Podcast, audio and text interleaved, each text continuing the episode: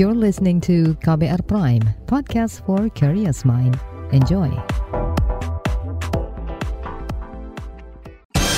Saatnya Anda dengarkan Ruang Publik KBR. Selamat pagi saudara, kita berjumpa kembali dalam Ruang Publik KBR. Dan tema pada pagi hari ini, pro kontra JHT cair usia 56 tahun.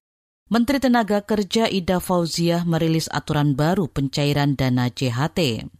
Dalam aturan itu, dana JHT baru dapat dicairkan saat pegawai berusia 56 tahun.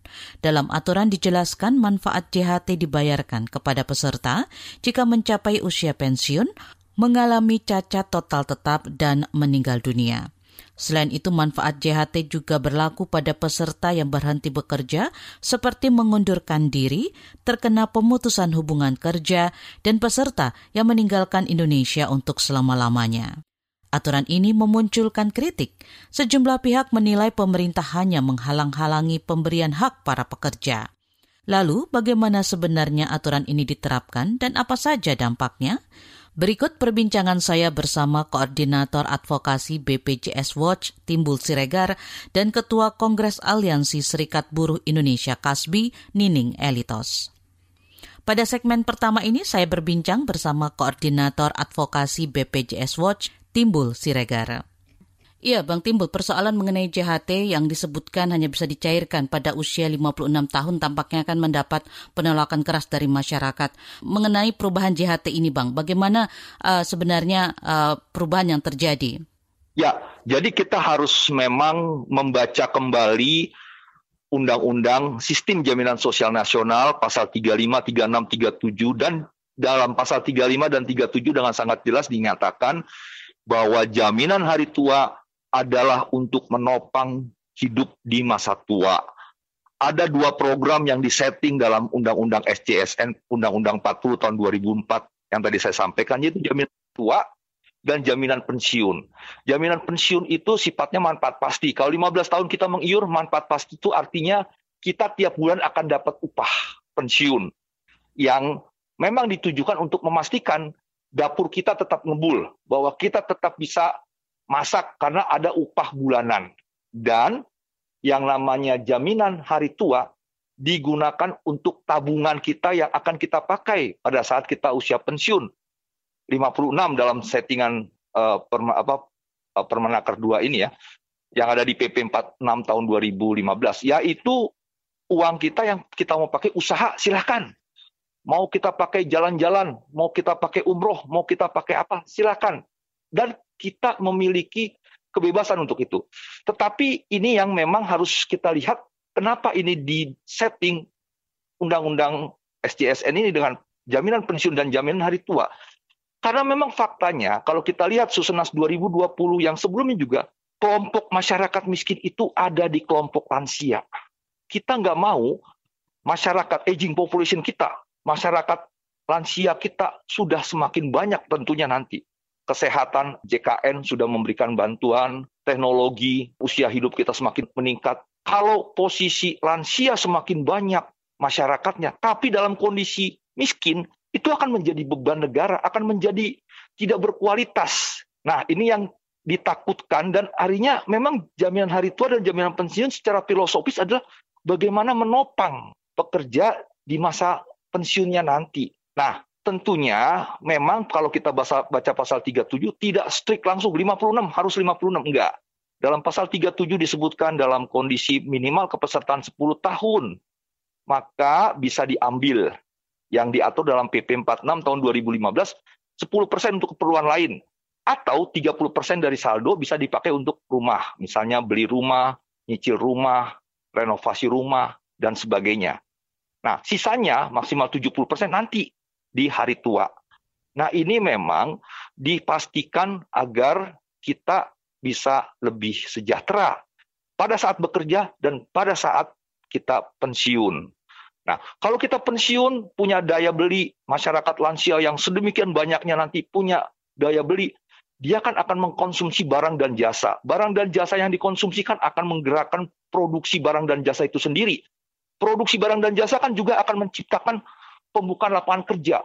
Nah ini kan menjadi sebuah siklus yang memang bisa membuka investasi gitu loh. Dan ini baik menurut saya dan kalau ini yang terjadi bagus penduduk kita akan semakin banyak yang bekerja. Lulusan SMA, lulusan perguruan tinggi akan tetap bisa bekerja karena terbuka lapangan kerja karena ada pertumbuhan ekonomi. Nah, ini dari sisi ekonominya juga. Jadi menurut saya memang sekarang banyak penolakan, iya itu harus kita mengerti juga karena memang tidak tersosialisasi dengan baik. Karena belum, artinya bukan tidak, belum tersosialisasi. Nah, kalau masyarakat kita yang memprotes ini, kan ketakutannya sebenarnya kalau kita nggak ngambil JHT saat ini, Pak, apa yang menjadi bantalan kita ketika PHK? Ada pesangon, iya, tapi kan pesangon belum tentu otomatis dikasih bisa sampai kita diajak lari maraton tanda kutip bersidang sampai Mahkamah Agung. Iya betul. Memang Undang-Undang 2 tahun 2004 tentang penyelesaian perselisihan hubungan industrial masih sangat panjang. Betul. Nah, saya bilang itu memang sebuah hal yang logis dan harus kita eh, lihat sebagai sesuatu yang normal argumentasinya. Tetapi kalau mau kita katakan saat ini sudah ada namanya jaminan kehilangan pekerjaan yang mulai beroperasi sejak Februari 2021 yaitu membayar iuran. Jadi kalau kita dengar Presiden sendiri dalam nota keuangannya di 2020 mengatakan ada alokasi anggaran untuk jaminan kehilangan pekerjaan yaitu membayar 0,22 persen dari upah. Yang pernah saya lihat di sebuah media TV sekitar 900-an miliar. Nah, ini kan terkait dengan nanti pesertanya berapa. Nah, ini yang memang disubsidi. Dan sejak 2021 Februari sampai Desember eh, sampai Februari 2022 kan artinya sudah lebih dari setahun. Memang persyaratan mendapatkan manfaat JKP bila mengiur selama minimal satu tahun. Nah, sekarang sudah ada yang mendaftar uh, sekitar 10,9, 11 juta. Dan kalau PHK sekarang itu sudah bisa mendapatkan jaminan kehilangan pekerjaan. Apa manfaatnya? Manfaatnya adalah satu, manfaat uang tunai. 45% kali upah selama tiga bulan. Kalau nggak bisa kerja juga, tiga bulan kemudian dikasih 25 persen. 45, 45, 45 persen, 25, 25, 25 persen. Satu. Kedua, untuk pelatihan vokasional. Kita harus akui bahwa kita, SDM kita masih banyak yang belum mumpuni. Angkatan kerja kita dihuni banyak mayoritas 56 persen oleh lulusan SMP ke bawah. Nah, investasi datang kalau kita nggak bisa melakukan memenuhi kebutuhan industri, kita akan ketinggalan. Mereka bilang investornya kami datang, kami bawa mesin, kami nggak bisa nggak bisa ada orang yang ngerjain, ya kami bawa dari luar negeri, dari TKA. Nanti kita protes lagi. Atau kalau nggak punya SDM di sini, ya nanti mereka akan parkir investasinya di Laos lah, di Kamboja lah dan sebagainya. Ini kan persoalan kita berkompetisi dengan negara asing juga gitu loh. Bagaimana untuk membuka lapangan kerja. Nah, masuk program JKP dengan manfaat pendidikan vokasional ini menurut saya sangat baik. Walaupun ada kritik saya, hanya dialokasikan satu juta. Ini harus dikembalikan seperti dulu waktu kartu prakerja. Alokasinya tiga setengah juta, biar memberikan sebuah pelatihan yang tidak sekedarnya, mumpuni gitu. Nah, kalau sekarang masih satu juta, itu yang saya kritik, harus ditingkatkan anggarannya. Dan yang ketiga manfaatnya adalah manfaat informasi pasar kerja. Diketemukan, dipertemukan maksud saya dengan dunia usaha. Nah, JKP ini kalau banyak orang bilang itu bentuknya apa? Ini ada gak anggaran sebagai saya pastikan ada karena saya tahu anggarannya sudah ada. Tetapi wajar ditanya seperti itu karena memang belum tersosialisasi. Nah, kalau ini uh, kita harus akui dan harus kita dorong pemerintah, Kementerian Tenaga Kerja, BPJS Tenaga Kerjaan, ayo sosialisasi jaminan kehilangan pekerjaan. Karena nggak bisa kita pakai adagium hukum. Regulasi ada, tahu di, atau tidak tahu dianggap tahu nggak bisa bahwa tahu tidak tahu harus diedukasi karena dia nanti dikasih tahu kalau PHK bagaimana kalau buat PHK sah PHK kan ada dua buat perjanjian bersama antara pekerja dan pengusaha didaftarkan ke pengadilan hubungan industrial dan dinas tenaga kerja nanti itu dijadikan dokumen untuk mendapatkan JKP atau adanya putusan pengadilan hubungan industrial berkekuatan hukum tetap. Berkekuatan hukum tetapnya sampai mana? Mahkamah Agung. Nah, itu nanti ada dokumennya didaftarkan untuk menjadi bagian dari menerima jaminan kehilangan pekerjaan. Sampai detil gitu. Bagaimana kalau menunggak, bagaimana kalau tidak diikutkan dan sebagainya. Ini ada hal-hal yang harus dijelaskan. Dan memang sekarang belum eh, banyak untuk tersosialisasi. Launchingnya saja tanggal 22 Februari nanti. Makanya saya bilang strategi komunikasinya agak kurang tepat. Harusnya strateginya launching dulu, sosialisasi dulu, baru keluarin permenaker dua supaya ngeh gitu, ngeh sadar gitu bahwa oh kalau saya nggak dapat JHT hari ini, ada dong JKP ya. kan sudah saya hitung kalau 4 juta upahnya anggaplah 2 tahun masa kerja kita 24 bulan. 4 juta kali 5,7 persen ini untuk JHT kali 24 bulan itu sekitar 5,6 tambah suku bunga rata-rata dan sebagainya jadi 6 jutaan artinya imbal hasil 5 persen per bulan lah kita anggap yang paling rendah 6 juta. Tapi kalau JKP 4 juta kali 1, 45 persen 1,8 kali 3 bulan 5,2. Kemudian tambah 25 persen kali 4 juta, 1 juta, 1 juta, 1 juta. 8 juta. Jadi pemerintah mau katakan saya kasih 8 juta, tapi yang 6 juta masih ada di tabungan Anda. Kan artinya kita punya sesuatu yang ya seneng gitu loh. Jangan juga ada orang bilang 6 jutanya diambil, 8 jutanya diambil. Mohon maaf, kalau kita pegang uang, sesuatu yang nggak menjadi kebutuhan, menjadi keinginan jadi belanjakan. Nah, itu artinya apa? Kita nggak peduli dengan masa tua kita. Jadi penggantinya ada gak? Ada. Dan oleh sebab itu, ini yang harus terus kita dorong supaya bagaimana pemerintah menginformasikan, mengedukasi seperti ini. Jadi keberadaan Permenaker 2 tahun 2022 justru mengembalikan ke filosofi hadirnya jaminan hari tua. Kalau yang selama ini kan PHK ambil PHK ambil itu secara hukum tidak tepat. Mengacu pada Undang-Undang 12 tahun 2011 tentang peraturan pembentukan peraturan perundangan itu kan dengan sangat jelas undang-undang, perpu, PP, Perpres di bawahnya sampai perda, itu di situ ada di tengah-tengahnya peraturan Menteri Tenaga Kerja. Tata urutan hukum peraturan Menteri Tenaga Kerja nggak boleh melanggar ketentuan undang-undang. Yang selama ini terjadi dilanggar. Nah, kenapa selama ini dilanggar? Kata pekerja kan dibolehkan. Iya, pada saat itu sudah kita kritisi. Dan kami dari BPJSO mengkritisi itu. Kita bilang ada ketidakkonsistenan. Tetapi kalau pada saat sebelum saat ini, 2022 Februari, sebelum adanya JKP, kita protes dan kita, kalau pemerintah mengembalikan ke JHT yang uh, pasal 35 dan 37, alternatif bantalannya belum ada. Kita harus pastikan pekerja yang ter-PHK itu bisa diajak lari maraton sampai persoalan perselisihannya sampai Mahkamah Agung. Berapa lama? Setahun bisa, dua tahun bisa, tiga tahun bisa. Nah, kalau nggak ada bantalannya, bagaimana mereka bisa hidup? Nah, ini yang kita bilang tidak konsisten, betul, tapi momentumnya belum. Sekarang kita harus mengembalikan konsistensi itu dan bantalannya sudah ada. Jadi kembali, kami itu tidak mengatakan, wah, apa pemerintah itu uh, bersemena-mena. Enggak, justru mau mengembalikan kepada kitohnya, filosofisnya dan ada alternatifnya seperti itu. Terkait dana ini, Bang, uh, Direktur Utama BPJS Ketenagakerjaan uh, mengatakan jumlah klaim JHT per September 2021 tercatat mencapai 1,74 juta kasus dengan nominal mencapai 26,13 triliun rupiah. Apa imbasnya kepada BPJS atau negara jika skema klaim masih tetap dilakukan seperti uh, aturan lama yang uh, keluar di tahun 2015 itu, Bang? Ya pertama mau kita katakan tadi secara hitungan filosofisnya tidak konsisten. Kedua dari sisi ekonomisnya bahwa memang rasio klaimnya tinggi. Di akhir 2021 itu 71 persen. Artinya iuran yang masuk 100 perak dikeluarkan 71 gitu. Nah ini akan juga berpengaruh terhadap imbal hasil kepada yang diberikan kepada pekerja. Karena apa? Dana yang ada ini dari jadi dana jangka pendek kalau dana jangka pendek kan paling bisa ditaruh di mana deposito. Makanya per akhir tahun 2021 kita lihat data 54 triliun, 54,2 triliun dana itu ditaruh di deposito. Kita tahu deposito berapa sih imbal hasilnya dengan suku bunga bank sentral sekarang tiga setengah persen, paling juga dapat tiga persen. Hebat-hebat 4 persen kalau gelondongannya besar, kan gitu.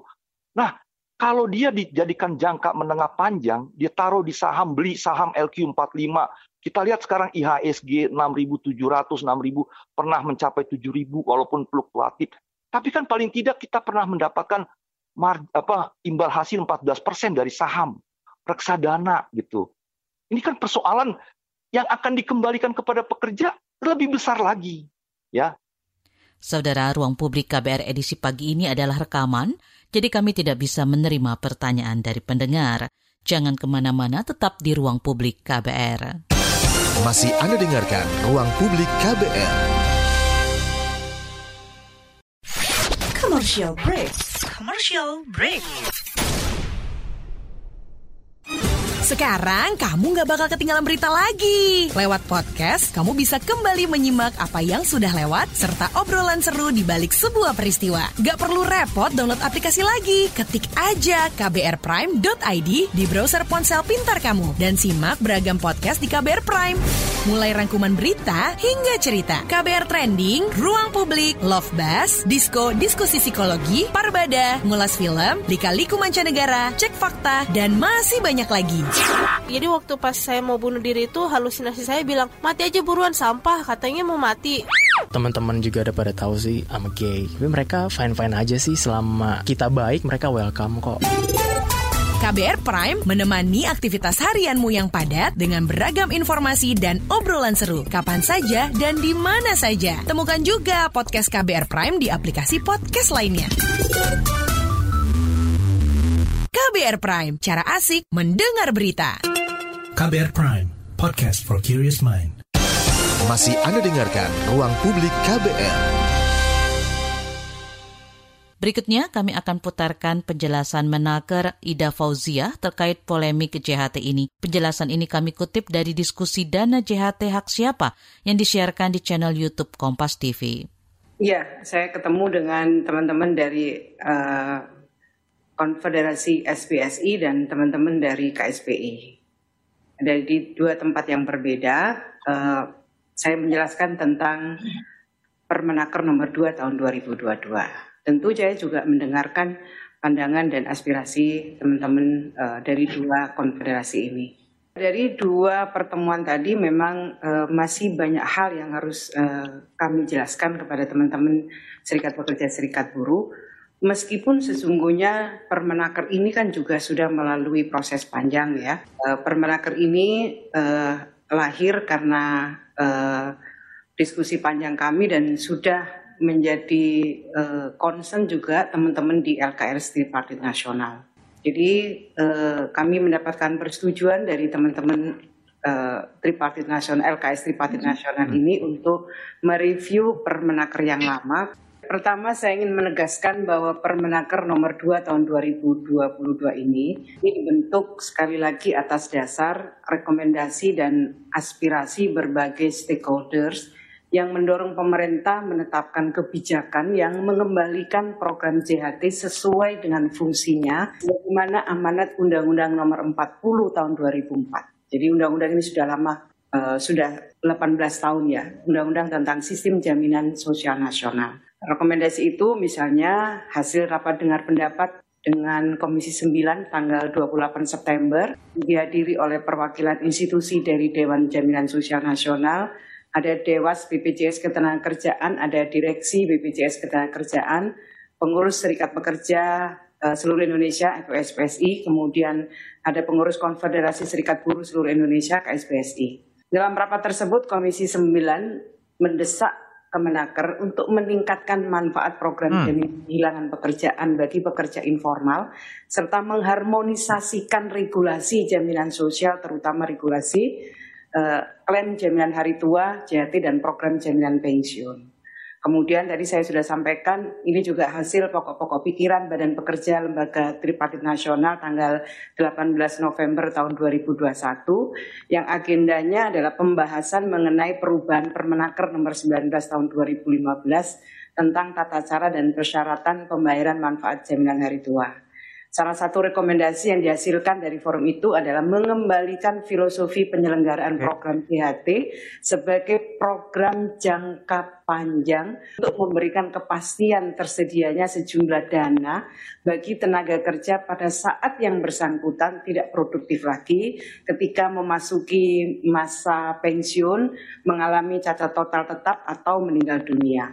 Ini juga berdasarkan hasil kajian dari DJSN yang meminta pemerintah perlu membuat dan menetapkan kebijakan yang mengembalikan program JHT sesuai dengan fungsinya sebagaimana amanat Undang-Undang Nomor 40 Tahun 2004 tentang SCSN. Dan sampai sekarang pun dengan Permenaker nomor 2 tahun 2022 itu juga kemungkinan untuk menggunakan uh, dana JHT ini pada masa tertentu dalam hal ini kepesertaan 10 tahun maka peserta bisa menggunakan 30 persennya untuk kepentingan perumahan dan 10 persen untuk kepentingan yang lainnya. Ini tetap diatur di Permenaker eh, nomor 2 tahun 2022 ini. Yang pertama saya ingin menjelaskan bahwa itu sebenarnya Permenaker ini dasarnya adalah Undang-Undang SCSN, Undang-Undang nomor 40 tahun 2004, juga Peraturan Pemerintah nomor 46 tahun 2015, Peraturan Pemerintah nomor 60 tahun 2015. Berikutnya kita lanjutkan perbincangan bersama Koordinator Advokasi BPJS Watch, Timbul Siregara. Dampak dari Permenaker 19 kan sejak 2015, memang 2016 masih ada uh, proses ke, apa, uh, imbal hasil yang baik, 7,19 persen. 2017 naik 7,82 persen. 2018 sudah mulai terasa turun ke 6,26 persen. 2019 turun lagi 6,08 persen. 2020 turun lagi ke 5 0,59 persen. Walaupun memang kalau kita lihat bandingkan dengan rata-rata suku bunga deposito bank pemerintah masih di atas. 2017 selisihnya 2 persen, 2016 17 2 persen, 2018 beda satu, 2019 nyaris satu persen bedanya, 2020 nyaris 2 persen. Ya, ini kan artinya kalau suku apa kalau dana itu jadi dana menengah dan jangka panjang, ini berarti kan bisa ditempatkan di instrumen-instrumen yang memang meng, meng, apa namanya memberikan imbal hasil baik gitu. Nah, tapi kalau di deposito, kenapa di deposito? Iya, saya juga kalau jadi direksi saya taruh deposito. Karena kan nggak mungkin ada yang mau klaim, oh tak dulu duitnya nggak ada, masih di instrumen. Ini kan nggak mungkin bahwa deposito itu 54,2 kan di RKT kan sekitar 36 triliun, tapi ditambah ke 54 karena apa? Memang posisi masih ada 2021 itu kan posisi PHK banyak kan karena COVID dan sebagainya. Jadi harus standby. Dan ketika kita taruh standby di deposito, konsekuensinya apa? Imbal hasilnya kecil. Ini kan persoalan hitung-menghitung yang kalau dihitung lagi, kembalinya kepada siapa? Pekerja. Nah, kita pernah dapat tuh imbal hasil 10% waktu zaman jam sostek persero. Tapi kan itu bagian dari proses yang ada ketentuannya 5 tahun plus 1. Jadi nggak kayak sekarang, sejak 2015 sampai 2022, PHK ambil, PHK ambil rata-rata 70 persen, saya dapat data, yang diambil itu kira-kira 3 sampai 4 juta. Nah ini kan persoalan bahwa Anda pun nabung belum banyak, tapi udah diambil. Ambil 2 juta, bawa pulang, beli sana, beli sini, sampai di rumah tinggal 1 juta. Besok belanja lagi udah habis. Padahal kan ini kata pemerintah, hei pekerja, pengusaha, Anda harus menyisikan dana untuk masa depan pekerja ya. Maka diperintahkan pengusaha Anda harus alokasikan 3,7 pekerja harus alokasikan 2%. Ini dana bukan untuk dikonsumsi sekarang, nanti. Itu kan semangatnya, makanya pemerintah, negara memerintahkan pada pengusaha, walaupun dia sudah membayar upah atas kerja-kerjanya pekerja, tapi dia diperintahkan oleh negara untuk menyisihkan daripada upah ini yang dibiayain oleh pengusaha juga 3,7. Jadi pengusaha pun bertanggung jawab terhadap masa depannya si pekerja. Tapi ketika kita mem, apa menginterpretasikan bahwa ini dana gua, betul dana saya, betul. 3,7 dan 2 persen ketika sampai di dana di BPJS Kerjaan, di akun pribadi saya, demi hukum itu uang saya. Pengusaha bisa ngambil nggak? Enggak. Tapi kan tidak menginterpretasikan perintah negara kepada pengusaha, kita bisa atan, oh saya mau konsumsi sekarang. Kan kita punya upah.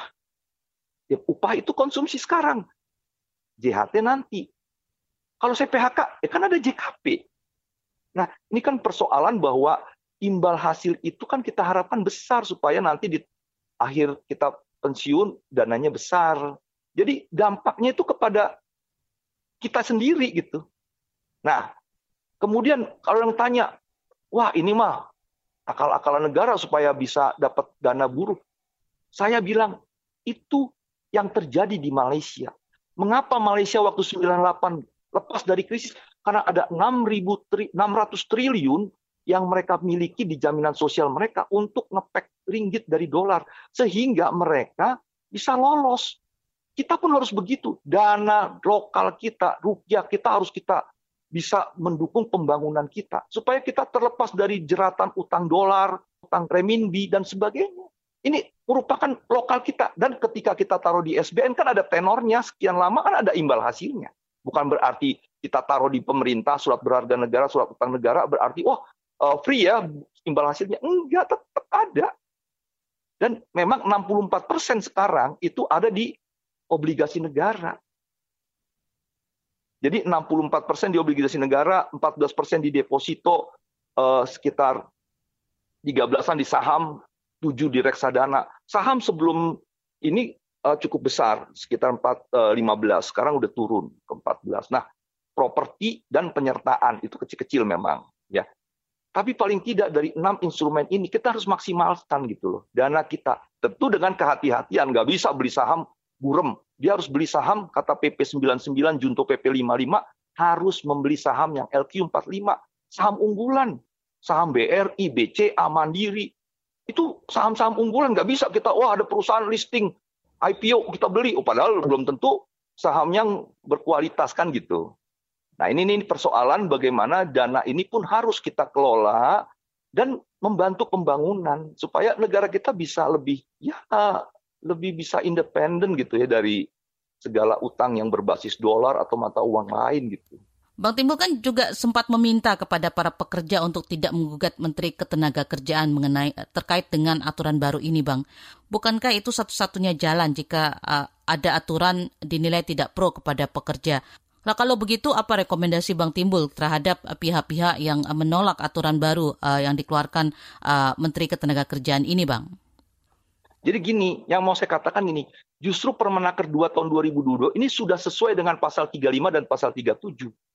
Kalau menggugat ini, misalnya bawa ke Mahkamah Agung judicial review, saya mah aku yakin pasti ditolak. Karena apa? Ya karena ini sudah sesuai pasal 35 dan 37. Oleh sebab itu saya bilang, kalaupun misalnya kalaupun ini dianggap salah, dianggap tidak benar, yang harus di judicial review adalah pasal 35 dan 37 Undang-Undang SJSN. Saya mau ceritakan sejarah sedikit ya. Ada PP tahun 73 itu tentang aspek asuransi tenaga kerja. Itu dijelaskan bisa diambil dengan tiga kondisi, meninggal, cacat total, dan pensiun di usia 55. Tidak membuka ruang untuk PHK. Dari tahun 77 sampai 93 itu seperti sekarang 55 tahun diambil, nggak boleh pada saat pada saat lahir Undang-Undang 3 tahun 92 menggantikan PP ini di pasal 14 dan 15 memang pasal 14 menceritakan tiga juga syaratnya meninggal cacat total dan pensiun tapi di pasal 15 disebut dalam kepesertaan tertentu bisa diambil yang akan diatur dalam PP maka dilahirkan PP 14 tahun 93 muncul lima tahun plus enam bulan jadi boleh ngambil kalau saya ter-PHK, tapi saya pada posisi minimal kepesertaan lima tahun. Nah, baru enam bulan kemudian masuk krisis 98 diubah lima tahun ke satu bulan, dipercepat sampai Juni 30 2015. 1 Juli 2015 kita sudah memakai undang-undang BPJS, undang-undang SJSN yang tidak boleh lagi diambil PHK. Tapi pada saat itu ada memang penolakan dan kita harus akui, kita juga harus objektif. Pada saat itu nggak ada talangan, bantalan pengganti. Nah, barulah setelah ada bantalan pengganti di 2022 Februari yang namanya JKP, baru pemerintah Kementerian Tenaga Kerja berani merubah itu dan konsisten dengan undang-undang SJSN. Jadi kalau menurut saya yang mau digugat, kalaupun tadi bilang, kalaupun dianggap salah, ya undang-undangnya. Karena justru menaker ini mengikuti apa kata pasal 35 dan 37 gitu. Saudara kami ingatkan kembali kalau ruang publik KBR hari ini adalah rekaman, jadi kami tidak bisa menerima pertanyaan dari pendengar. Jangan ke mana-mana. Masih Anda dengarkan Ruang Publik KBR. Terima kasih untuk Anda yang masih setia mendengarkan Ruang Publik dari KBR edisi hari ini dengan tema pro kontra JHT cair usia 56 tahun. Perbincangan selanjutnya kami bersama Ketua Kongres Aliansi Serikat Buruh Indonesia Kasbi, Nining Elitos. Iya, Mbak Nining, eh, perubahan aturan jaminan hari tua JHT BPJS Ketenagakerjaan kan menjadi polemik dalam beberapa hari eh, terakhir ya Mbak ya. Ketentuan JHT baru bisa dicairkan saat peserta berusia 56 tahun. Dalam pandangan Kasbi sendiri seperti apa perubahan atas JHT ini, Mbak? Ya tentu uh, pertama uh, ada rasa keprihatinan yang mendalam bagi uh, kami kepada uh, pihak uh, pemerintah yang memang sudah semakin tidak uh, peka apa yang menjadi persoalan uh, mayoritas har rakyat hari ini, di mana uh, sebelum lahirnya Permenaker 02 tahun 2022 uh, pemerintah sudah mengeluarkan satu regulasi yang sangat membuat uh, rakyat semakin terhimpit gitu ya dengan Undang-Undang Cipta Kerja, Undang-Undang Cipta Kerja yang disahkan pada tahun 2020 uh, di mana undang-undang tersebut adalah semakin mendegradasikan tentang hak-hak pekerja dan juga semakin membuat uh, tidak adanya kepastian kerja karena semakin melegitimasi tentang uh, sistem uh, kontrak dan alidayah kan gitu. Nah, di mana sebenarnya pemerintah uh, diberikan kewenangan untuk menjamin pekerjaan dan penghidupan yang layak bagi kemanusiaan. Nah, di dalam situasi yang tidak baik ini justru kemudian uh, kita dikagetkan uh, keluarnya Permenaker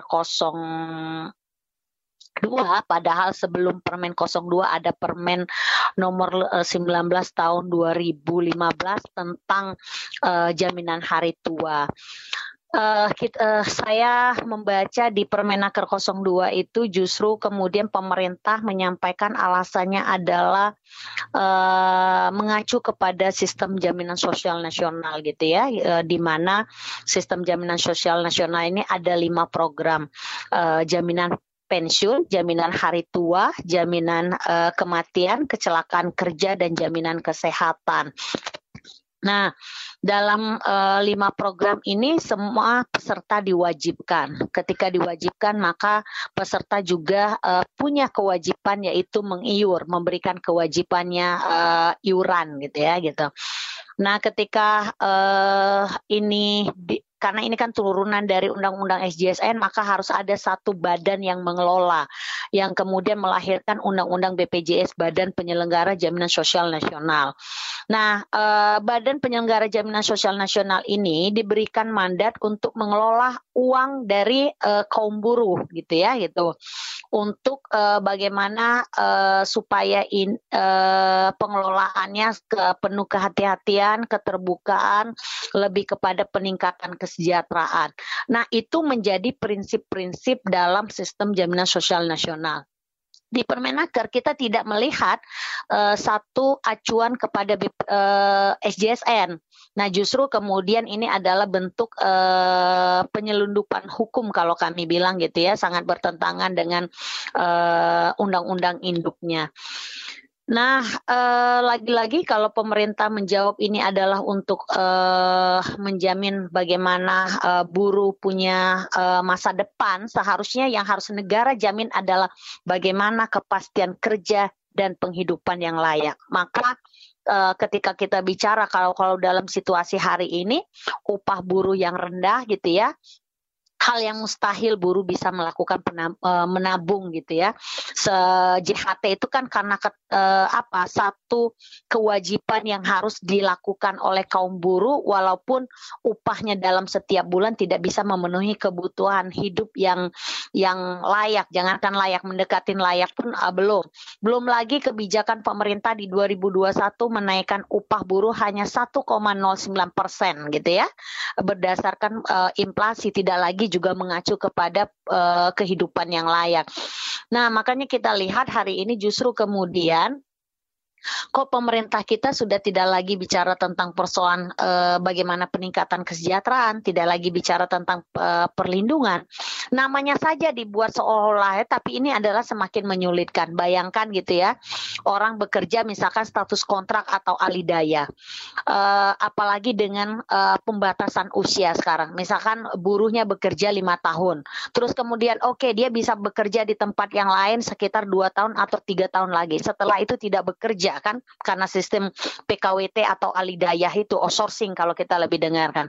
Nah, ketika dia tidak bisa uh, dalam masa yang cukup panjang tidak mendapatkan pekerjaan, eh, maka JHT itu adalah sebagai ruang alternatif untuk bagaimana paling tidak memenuhi kebutuhan hidup sampai mereka mendapatkan pekerjaan atau mereka untuk berusaha gitu ya, atau untuk memenuhi biaya pendidikan anaknya.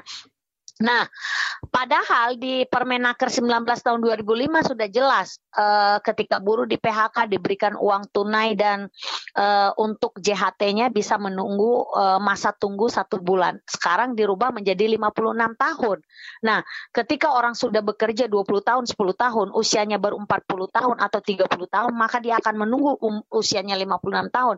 Bayangkan kesulitan itu semakin uh, membuat penderitaan baru bagi orang-orang yang punya keterbatasan persoalan ekonomi. Nah, saya lihatnya ini bukan jalan keluar gitu ya gitu. Kalau pemerintah kita menjawab dengan adanya JKP, ingat Undang-Undang Cipta Kerja hari ini adalah inkonstitusional dan tegas di dalamnya tidak boleh membuat kebijakan strategis. Jadi aneh gitu. Kalau kita tanya apakah ini keterkaitannya, pemerintah menjawab tidak ada keterkaitan. Tapi ketika menjelas di publik gitu ya, alasannya landasannya undang-undang SJSN, eh, padahal melanggar prinsip-prinsip SJ undang-undang SJSN sendiri. Kalau bicara kita bilang kenapa ini terkaitan pada jelas pemerintah Mahkamah Konstitusi sudah memutuskan Undang-Undang Cipta Kerja inkonstitusional bersyarat. Artinya dia cacat formil. Kalau dia cacat formil seharusnya tidak bisa dijalankan kan gitu. Nah, ini tetap ingin digunakan uh, di sisi lain pemerintah bilang ini ini tidak ada keterkaitannya, tapi menjelaskan kepada publik dua alasan itu. Artinya justru kemudian kita punya pertanyaan besar, ada apa sih di balik itu sebenarnya dalam pengelolaan uang buruh gitu. Apakah uh, sebelum Permenaker uh, nomor 2 tahun 2022 ini keluar yang terkait dengan uh, aturan JHT baru ini, Mbak, apakah teman-teman uh, buruh itu ada mendapat uh, apa namanya ya semacam sosialisasi atau informasi atau diajak uh, bertemu untuk membicarakan aturan uh, baru ini, Mbak?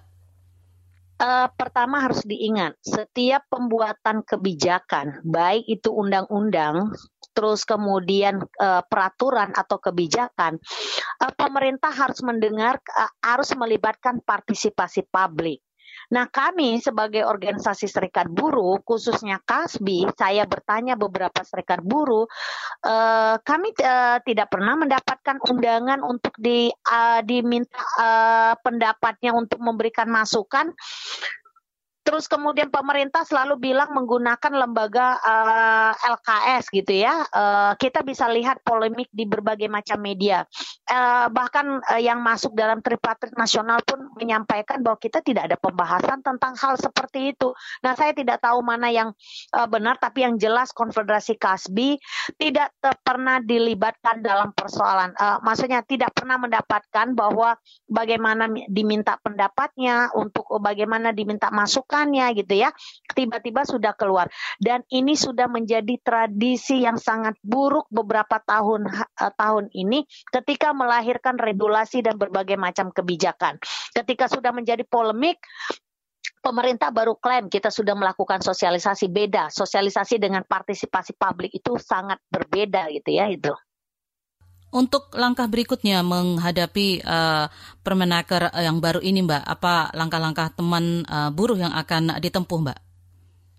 Iya, kami uh, selain melakukan uh, desakan aksi uh, kepada pihak pemerintah, tentu kita dalam uh, sedang melakukan konsolidasi kepada berbagai macam organisasi. Langkah apa yang mau kita lakukan selain melakukan uh, parlemen jalanan, gitu ya, gitu. Nah, kita melihatnya berbagai macam kebijakan beberapa ta uh, dalam di masa pandemi ini gitu ya. Sejak 2020 sampai hari ini kita melihat pemerintah semakin menjauhkan apa yang menjadi tugas pokoknya. Nah, apakah juga akan ada kemungkinan untuk menggugat keputusan uh, Permenaker tersebut secara hukum, Mbak?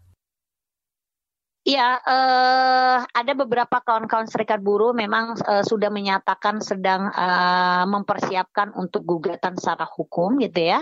Tapi uh, kami memang uh, melakukan uh, melakukan jalan untuk uh, desakan baik itu uh, mengkomunikasikan kepada pihak pemerintah bahkan sampai melakukan aksi-aksi desakan kepada pemerintah agar membatalkan Permen uh, 02 tersebut bicara tentang JHT uh, sebelum dikeluarkannya aturan Permenaker nomor 2 tahun 2022 ini Mbak, seperti apa buruh mendapatkan hak-haknya terkait dengan JHT ini Mbak? Kalau selama ini kan gini, ketika buruh ter-PHK gitu ya, sering kali karena dengan uh, negara tidak memberikan jaminan kepastian kerja dengan penghidupan yang layak, eh, PHK itu kan musibah sebenarnya bagi buruh gitu ya gitu karena sering kali PHK itu terjadi sepihak. Nah, ketika PHK sepihak gitu uh, seharusnya ada persoalan pencegahan dan kemudian pengawasan dan penegakan hukumnya. Tapi dalam praktek kesehari-harian kita bisa melihat begitu sulitnya uh, kaum buruh untuk mendapatkan persoalan keadilan untuk penegakan hukum gitu ya gitu. Nah, sering kali ketika PHK itu uh, buruh kemudian tidak mendapatkan haknya, kalaupun untuk mendapatkannya harus berjuang dengan begitu besar energinya gitu ya. Terus kemudian ketika sudah uh, ter-PHK untuk mendapatkan uh, pekerjaan pasti dengan bersaing uh, hari ini adalah tidak mudah bagi kaum buruh gitu ya gitu. Nah, terus kemudian mereka ke dalam proses kehilangan pekerjaan gitu untuk bagaimana berupaya bertahan untuk uh, hidup jaminan hari tua yang diatur di Permenaker uh, 19 tahun 2015 itu adalah salah satu upaya untuk membantu mereka. Kenapa? Mereka punya tabungan gitu, apakah mereka mau berjualan kecil-kecilan, usaha kecilan atau untuk biaya pendidikan itu bisa digunakan oleh kaum buruh. Nah, tapi kalau kemudian uh, selama ini juga uh, masih juga banyak kendala yang didapatkan oleh kaum buruh untuk meraih itu kan gitu, harus berupaya bagaimana memaksimalkan. Sedangkan di PP 2 tahun 2022 ini justru semakin menjauhkan menyulitkan bagi kaum buruh Kembali kami ingatkan kalau ruang publik KBR hari ini adalah rekaman, jadi kami tidak bisa menerima pertanyaan dari pendengar. Tetaplah bersama kami. Masih Anda dengarkan Ruang Publik KBR. Commercial break. Commercial break.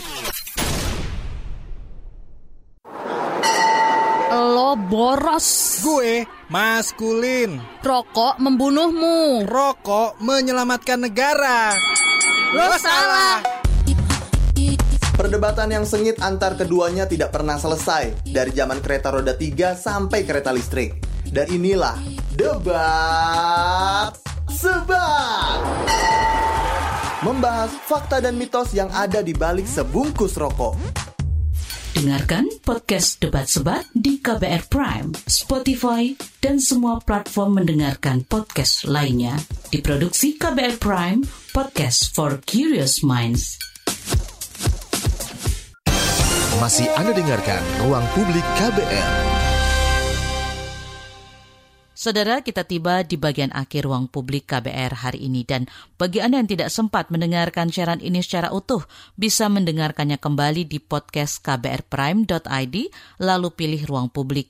Di segmen ini kita masih akan menyimak penjelasan Ketua Kongres Aliansi Serikat Buruh Indonesia Kasbi, Nining Elitos. Tadi kan sudah disinggung sedikit soal uh, JKP ya Mbak ya, jaminan kehilangan pekerjaan yang uh, Mbak Nining sebut uh, tidak sesuai karena dia lahir di uh, masa ketika Undang-Undang Cipta Kerja uh, diputuskan inkonstitusional bersyarat. Nah, tapi kalau menurut Mbak Nining, uh, program semacam uh, jaminan kehilangan pekerjaan ini apakah diperlukan, Mbak? Dan bentuknya seperti apa seharusnya kalau menurut pandangan Mbak Nining? Pertama gini, uh, selain pemerintah belum bisa menjalankan uh, program itu gitu ya harus dilihat. Di dalam undang-undang cipta kerja itu orang yang bisa uh, ada syarat ketika untuk mendapatkan jaminan kehilangan pekerjaan. Minimal dia sudah men, uh, 12 bulan menjadi uh, peserta BPJS kan gitu. Artinya kan uh, bayangkan kalau misalkan kalau buruh sudah uh, ter PHK Terus kemudian hal-hal teknisnya juga tidak bisa dibuat karena kan uh, sudah jelas di dalam Undang-Undang Cipta Kerja, putusan Mahkamah Konstitusi, pemerintah tidak boleh mengeluarkan kebijakan strategis. Kan itu yang harus di, menjadi landasannya dulu gitu loh. Nah, bagaimana mungkin gitu pemerintah mengeluarkan satu kebijakan sedangkan persoalan uh, pokoknya kemudian ini menjadi persoalan gitu ya. Tetapi terlepas dari itu, Mbak, apakah uh, program semacam uh, jaminan kehilangan pekerjaan uh, yang uh, konsepnya mungkin mirip dengan yang dikeluarkan pemerintah ini diperlukan, Mbak? Ya, sebenarnya kalau kemudian hidup buruh sudah uh, layak gitu ya, pekerjaan yang layak, hidup yang layak, negara tidak usah repot untuk memikirkan hal itu. Ini problemnya adalah tentang persoalan bagaimana perlindungan dan peningkatan kesejahteraan. Jangan kemudian membuat satu regulasi seolah-olah ingin melindungi, tapi di sisi lain mendegradasikan. Contoh, uang pesangon kan didegradasikan, diturunkan yang luar biasa uh, cukup besar. Upah buruh yang hari ini kita bisa lihat seperti apa. Padahal padahal nilai itu kan gini, di mana uh, tanggung jawab negara untuk memberikan perlindungan dan peningkatan kesejahteraan itu di uh, semakin diminimalkan, tapi seolah pemerintah baik nih ini membuat jaminan kehilangan pekerjaan. Apa artinya itu kalau kemudian orang tidak lagi bisa mendapatkan hak-hak dasarnya? Jadi sebenarnya bila uh, sejak awal uh, perlindungan terhadap buruh itu sudah maksimal, maka program-program seperti jaminan kehilangan pekerjaan itu tidak diperlukan karena tidak akan terjadi, begitu ya Mbak Nining ya? Ya iya dong, kalau negara ini kan seharusnya memberikan jaminan kepastian kerja penghidupan yang layak bagi kemanusiaannya. Kita bisa lihat di masa pandemi berapa kali pemerintah mengeluarkan surat edaran yang sangat tidak berpihak kepada rakyat. Mulai dari Undang-Undang Cipta Kerja, surat edaran, surat edaran, terus kemudian eh, peraturan pemerintah, bahkan termasuk Permenaker, kan gitu. Boleh juga kita review Mbak Nining uh, secara uh, umum masuk ke tahun ketiga pandemi Mbak Nining. Tadi Mbak Nining sudah sempat menyinggung juga bagaimana kondisi buruh di Indonesia uh, menjelang uh, tahun ketiga uh, pandemi ini Mbak. Iya, uh, justru uh, kita melihatnya uh, pertama uh, semakin jauhnya persoalan uh, pencegahan, perlindungan dan penegakan hukum gitu ya gitu. Anggota Kasbi saja uh, di masa pandemi ini masih banyak juga para pengusaha nakal yang memanfaatkan pandemi ini adalah sebagai ruang untuk melakukan pemutusan hubungan kerja semena-mena terhadap para pekerjanya. Contoh di Jakarta, uh, satu perusahaan yang namanya PT Trinitas uh, di masa pandemi pertama uh, buruhnya dinegosiasikan untuk uh, di PHK dan kemudian diganti dengan status uh, borongan. Nah, kemudian itu ditolak oleh kaum buruh. Ketika ditolak, tiba-tiba perusahaan melakukan penutupan. Satu dua hari setelah itu perusahaan beroperasi sampai hari ini. Dan buruhnya belum mendapatkan keadilan sampai hari ini. Itu salah satu contoh. Terus uh, kita bisa lihat saya uh, beberapa bulan kemarin bertemu dengan kaum buruh di beberapa baik di kawasan maupun di luar kawasan. Tren menggunakan buruh magang yang upahnya diberikan berdasarkan kebijakan perusahaan gitu ya. Upahnya di bawah UMK, jam kerjanya lebih dari 8 jam bahkan sampai 12 jam mereka tidak dibayar lembur. Nah, itu bagaimana pencegahan dan penegakan pengawasan dan penegakan. Dan itu banyak para pengusaha memanfaatkan seperti itu. Nah, sebenarnya hal-hal seperti ini yang harusnya direspon oleh pemerintah bukan mengeluarkan kebijakan permenaker yang semakin menyusahkan rakyatnya, kaum buruhnya. Nah, buruh magang ini uh, siapa, Mbak? Ya buruh magang ini kan misalkan uh, di perusahaan-perusahaan buruh yang meng, uh, menggunakan para tenaga kerja baru yang uh, lulus sekolah baru ataupun yang sudah uh, yang tidak bekerja ketika perusahaan ada yang bekerja sama dengan pihak sekolah, ada yang memang bekerja dengan individu ataupun dengan uh, hal yang seperti yayasan gitu ya, mereka menggunakan tenaga kerja yang sistem magang atau PKWT yang kemudian juga hari ini juga semakin membuat uh, rakyat semakin apa uh, melihat ada sebuah krisis kepercayaan terhadap uh, pemerintah kita. Jangan sampai krisis kepercayaan ini akan menimbulkan gejolak sosial gitu ya gitu. Kita uh, sebenarnya kita berkali-kali mengingatkan pemerintah dampak dari kebijakan yang kemudian membuat orang turun ke jalan itu jangan pernah salahkan orang yang turun ke jalan karena memang pemerintah kita tidak pernah membuka tel, uh, melihat membuka kupingnya apa yang menjadi persoalan yang uh, uh, pokok terhadap rakyat kan gitu. Iya, Mbak Nining terakhir Mbak, uh, apa desakan uh, teman-teman Kasbi terkait dengan uh, perlindungan para buruh ini, terutama terkait dengan uh, Permen 02 tahun 2022 tentang uh, aturan JHT yang baru, Mbak? Iya, kita mendesak kepada pemerintah untuk mencabut uh, Permenaker 02 tahun 2022. Kembalikan kepada Permenaker uh, 19 tahun 2015 yang di sana sudah jelas mengatur diberikan uang tunai dan menunggu masa tunggu satu bulan, kan gitu. Nah, karena memang uh, sistem jaminan sosial nasional Undang-Undang SJSN itu nomor 40 tahun 2024 memang dibuat untuk bagaimana peningkatan kesejahteraan, bukan kemudian semakin menyulitkan dan kemudian membuat uh, buruh semakin tidak berdaya gitu loh. Uang buruh kok dibuat kebijakan tanpa uh, mendengarkan apa yang dikehendaki oleh kaum buruh. Demikian saudara, ruang publik KBR pagi ini dengan tema pro kontra JHT cair usia 56 tahun. Terima kasih untuk kebersamaan Anda di pagi hari ini. Saya Fitri Anggreni undur diri. Salam. Baru saja Anda dengarkan Ruang Publik KBR. KBR Prime, cara asik mendengar berita. KBR Prime, podcast for curious mind.